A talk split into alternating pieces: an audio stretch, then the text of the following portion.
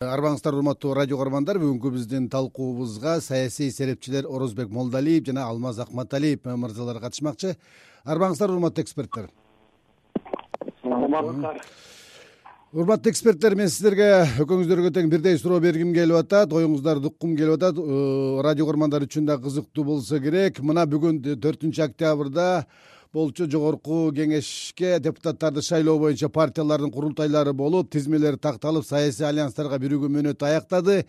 Сиздердин оюңуздарда бул процессте мурдагы шайлоолорго салыштырганда кандайдыр бир жаңы көрүнүштөр э, бир парламентаризмди бекемдей турган бир жакшы саамалыктар байкай алдыңыздарбы? Орозбек агай сиз баштап берсеңиз. Парламентаризмди бекемдей турган э, кадамдар дароо эле билине калбайт эми ал парламентаризмден чеккеп кеттик анан биз жетишилбай атабыз деген деп ыйлагандан пайда чыкпайт.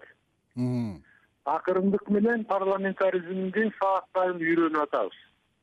Бирок э, өзүбүздүн жергиликтүү шартыбыз менен ошондой жолдорго барып атабыз.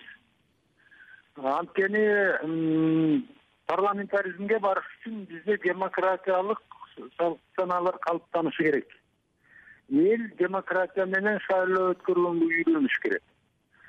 Партиялар дагы ошого даяр болуш керек да бизде тилекке каршы ушу отуз жылдан бери шайлоо дегенден кийин эле чыр чатактар көбүнчө чыгып кетет талаш тартыштар болот мен тааныбайм дегендер болот.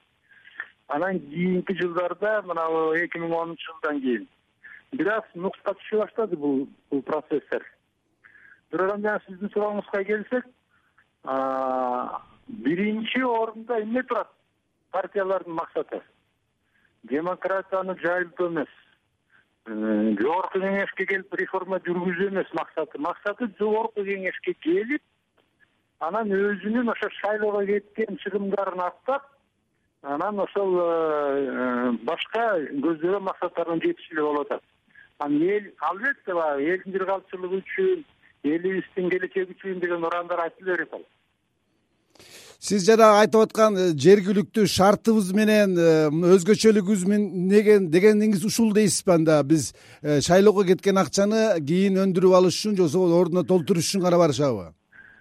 Жеке эле ал эмес.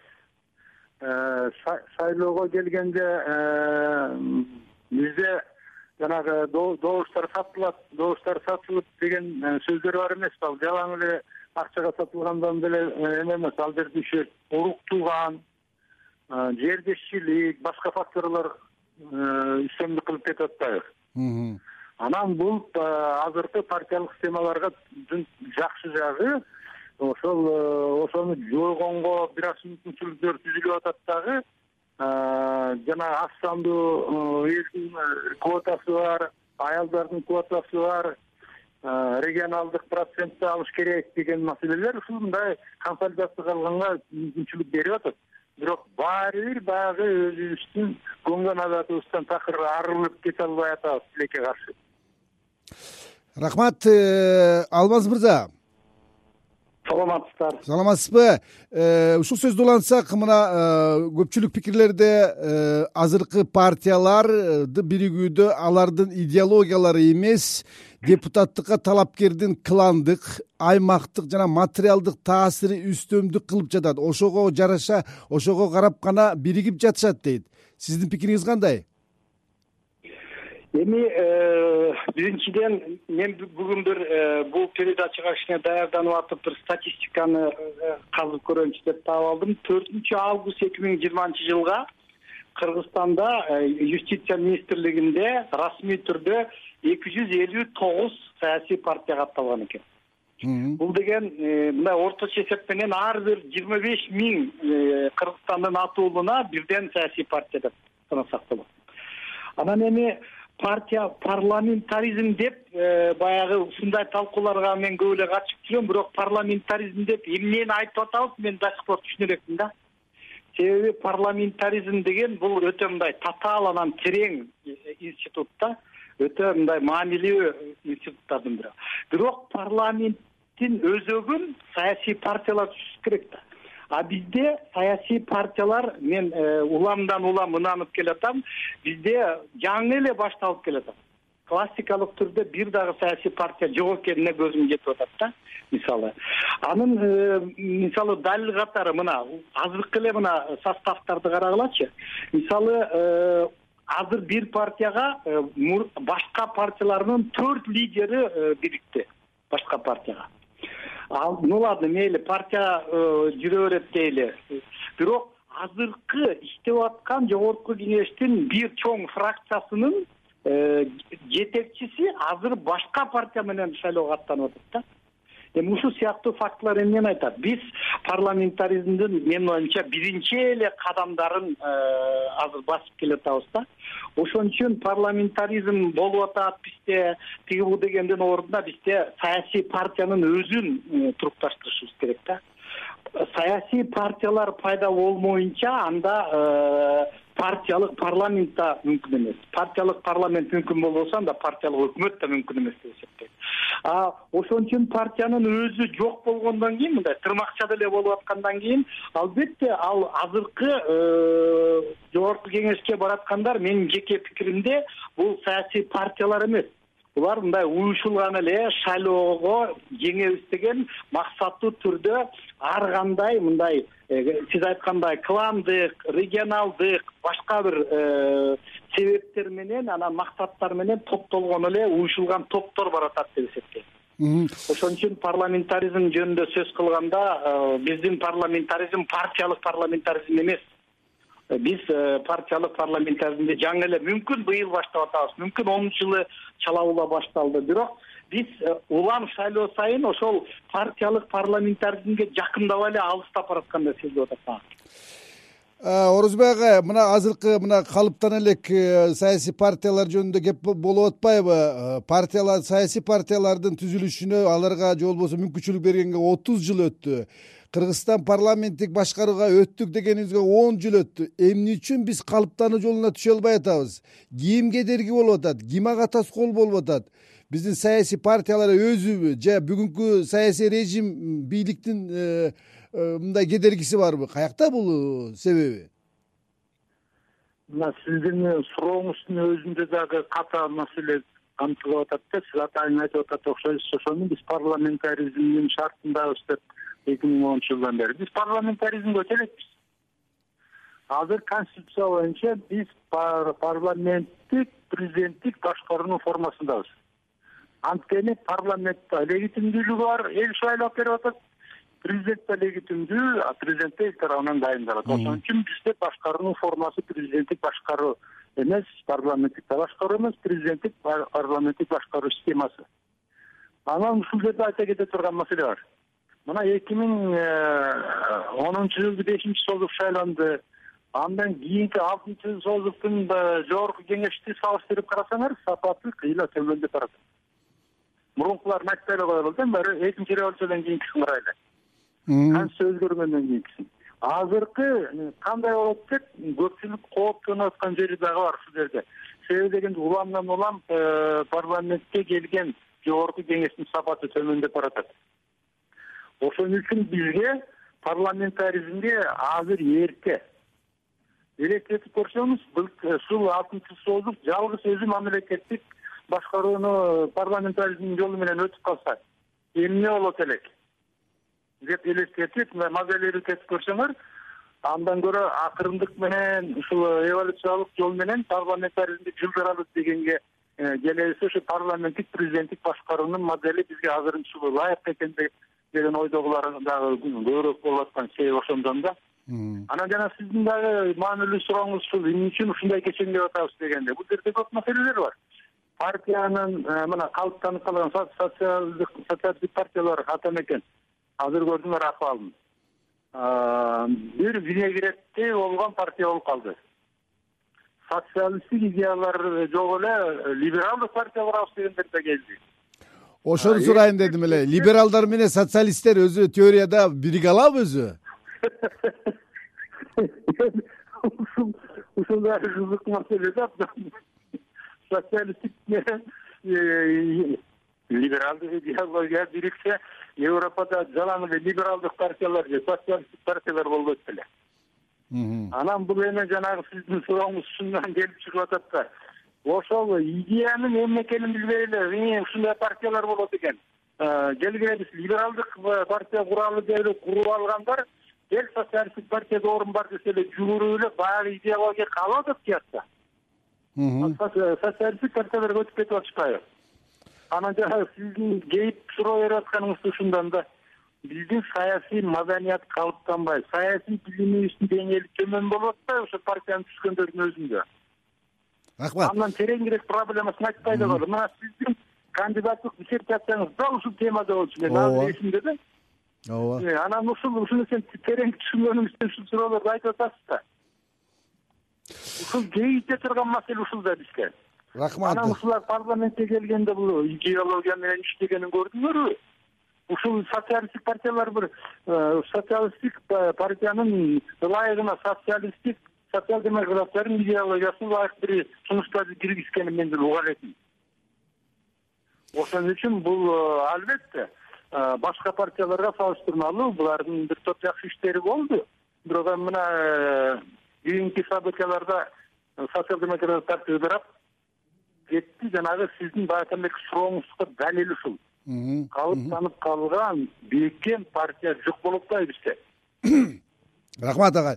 Дагы болуп турсаңыз байланышта алмаз агай э, азыркы э, кыргыз коомчулугунда э, парламентке жаңы күчтөрдүн жаңы жүздөрдүн келишин талап кылган маанай мындай күчтүү болуп атат да.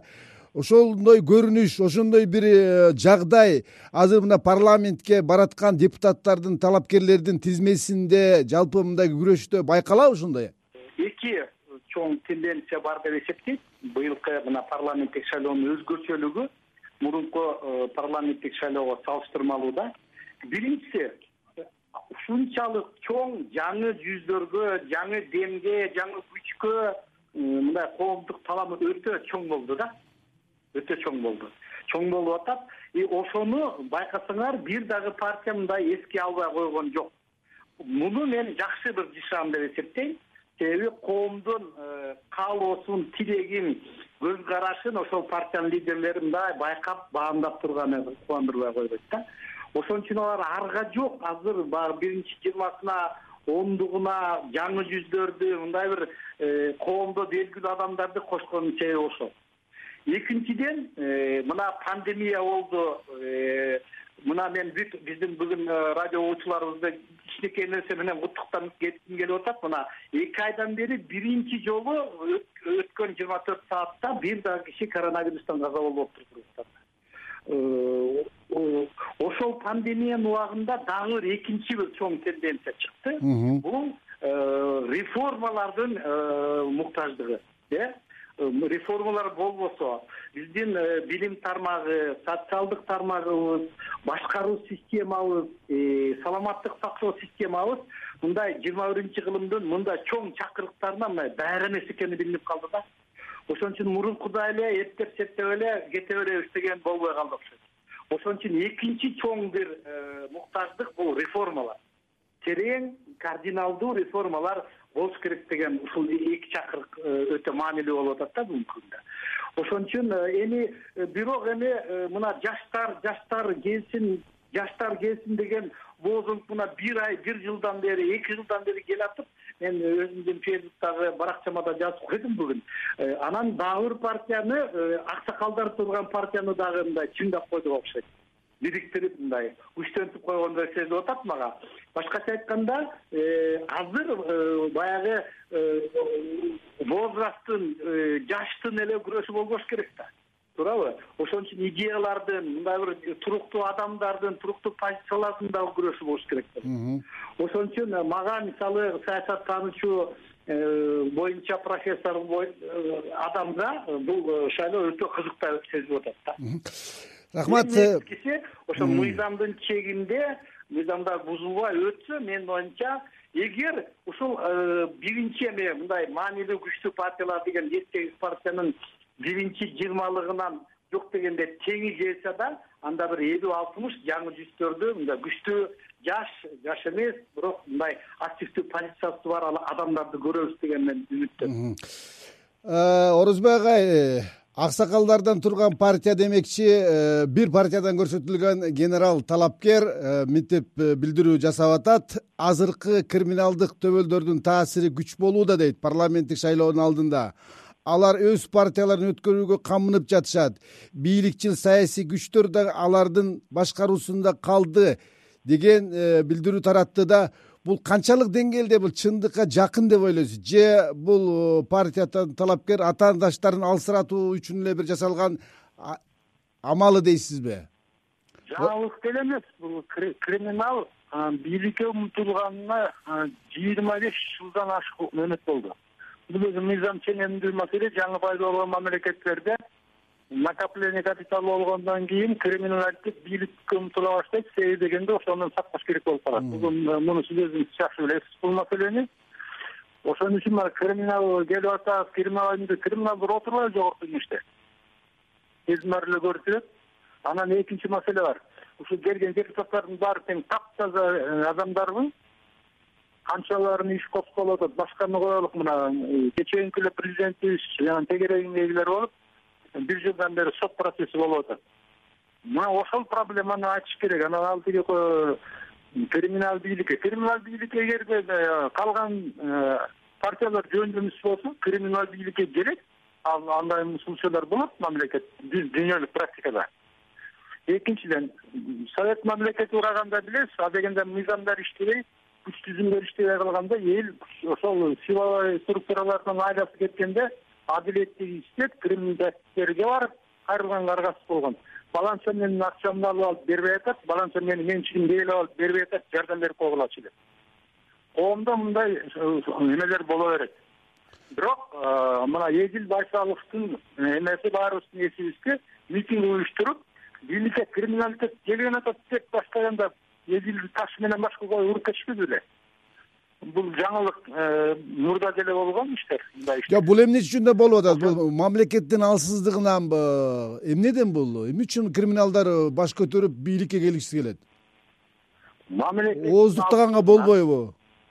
Бул мамлекеттин алсыздыгынан экинчиден шайлоочулардын баягы немелеринден саясий маданияттын төмөндөп кеткендигинен жана кайдыгерликтен болуп атат бул маселе ким келсе баары бир болуп калды азыр кээ бир адамдарга акча берсе эле болду деген ситуацияда бар да анан барып барып бул шайлоолорду жакшынакай уюштуруп жогорку деңгээлде ушул сиз айткандай передачаларды элге түшүндүрүп бере турган бул бийликтин жумушу эртеңки күнү эмне болуп кетет? Мындай болуп келсе криминалитет бийликке келсе дегенде анан шайлоонун алдында келип атса алар эмне үчүн? Ошол генералдар мурда эмне үчүн буга каршы иштеген жок рахмат.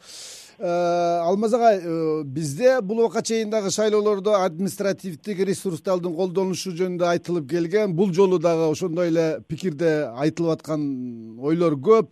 Э, мына шайлоонун жыйынтыгына бийлик канчалык таасир бере алат деп ойлойсуз бул жолучу? Административдик ресурсту болтурбай коюунун деги эле жолу барбы?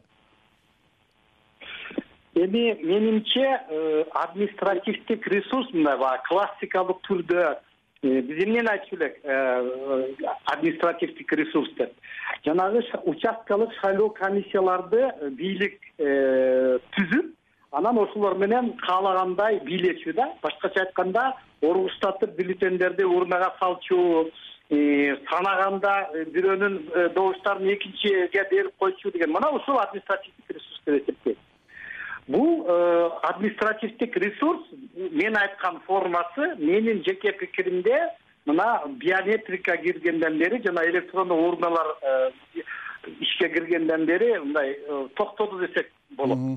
Эми экинчи формасы бар баягы бийликте отургандар өзүнүн подчинениясындагы баягы карамагындагы баш ийген адамдарды кыйнап бул партияга же тиги партияга добуш бересиң же болбосо акчасын чачып же болбосо өзүнүн баягы административдик абалынан пайдаланып кабинети машинеси дегендей мына ушул административдик ресурс деген ушул да.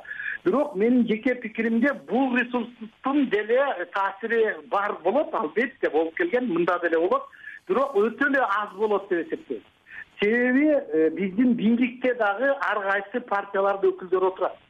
Э, керек болсо бизде өкмөт дагы ошол коалициядагы ар кайсы партиянын өкүлдөрү отурат жер жерлерде деле ошондой. Ошон үчүн бул биринчи себеби экинчи себеби конкуренция партиялардын арасында конкуренция өтө күчтүү бири бирине ошон үчүн бири бирин мындай көзөмөлдөгөнгө э, уже э, мындай э, күчү жетип калды биздин шайлоого бараткан топтордун ошон үчүн бул экинчи фактору үчүнчү фактору менин оюмча баягы бир дагы мамлекеттик кызматкер эми баягы акылы бар эси бар дегендер андайлар басымдуу көпчүлүктү түзөт деп ойлойм. Алар деле түшүнүп атат. Азыр ачык заманда жашап атабыз. Азыр бир чогулушта мына мен мисалы министрлик же болбосо аким бир айыл өкмөттөрдү чогултуп алып баланча партияга э, добуш бергиле деп бир дагы аким айта албайт. Себеби ал айтса ошонун айтып атканын аудиосу анан видеосу эртеси эле интернетке чыгат. Азаттыктан дагы чыгса бересиңер ошону рахмат. Ошон үчүн э, ушул үчүнчү фактор бар. Анан төртүнчү дагы негизги дагы бир фактор бар. Э, бул административдик ресурстун өтө күчтүү эместигинин белгиси. Азыр бийликтин жер жерлердеги өкүлдөрү же болбосо бийликтин негизги эле мындай коомдогу аброю э, анча э, күчтүү эмес аны баарыбыз көрүп билип эле атабыз ошон үчүн бийликтик партияданбыз э, мындай өкмөттөн добро алып келдик анан тигинден мындан добро алып келдик деген партиялар тескери эффект бериши мүмкүн. Рахмат. Эл эл азыр мындай кичине баягы пандемиядан кийин кыйналып турган кезинде менин оюмча тескерисинче бийликтик эмес партия деп чыккан оң орозбек агай мына биздеги э, көйгөйлөрдүн баардыгы революциялардын баардыгы шайлоонун жыйынтыгы менен чыкканы белгилүү. Бул жолку шайлоодо бир таза адилет өтүш үчүн сиз кандай бир рецепттерди айтаар элеңиз? Кийинки жылдарда шайлоодогу махинацияларды болтурбай тургандай көп эмелер ишке ашты. Азыр ошон үчүн жанагы э, урна башка маселелер э, экинчи орунга калып эле добуш сатып алмайга басым кетти азыр. Анан азыр алмаз мырза айткан административный ресурс деген бул мындай да бюрократиянын өзүнүн закону ошол. Убактыбыз аз калды жыйынтыктап койсоңуз э? Ушул акыбалдын сакталып калышына кызыктар бул психологический момент ошон үчүн каалайбы каалабайбы ушул бийликтин партияларынын добуш берели деп үй бүлөсү турганы башкалары жөн эле ал агитация кылбаса деле ошолорго добуш бере турган маселе. Рахмат. Ошон үчүн бул агай убакыт бүтүп калды. рахмат. Сөзүбүздү кийинки көрсөтүүлөрдө улантабыз. Урматтуу радио көрөрмандар бүгүн биз жогорку кеңешке аттанып жаткан партиялардын кошулушунун негизги критерийлери жана парламенттик башкарууга өтүп жаткан кыргызстандын келечеги тууралуу кеп кылдык. Биздин бүгүнкү талкуубузга саясий серепчилер орозбек молдалиев жана алмазбек акматалиев катышты. Берүүнү мен бакыт орунбеков алып бардым кайрадан эфирден жолукканча аман болуңуздар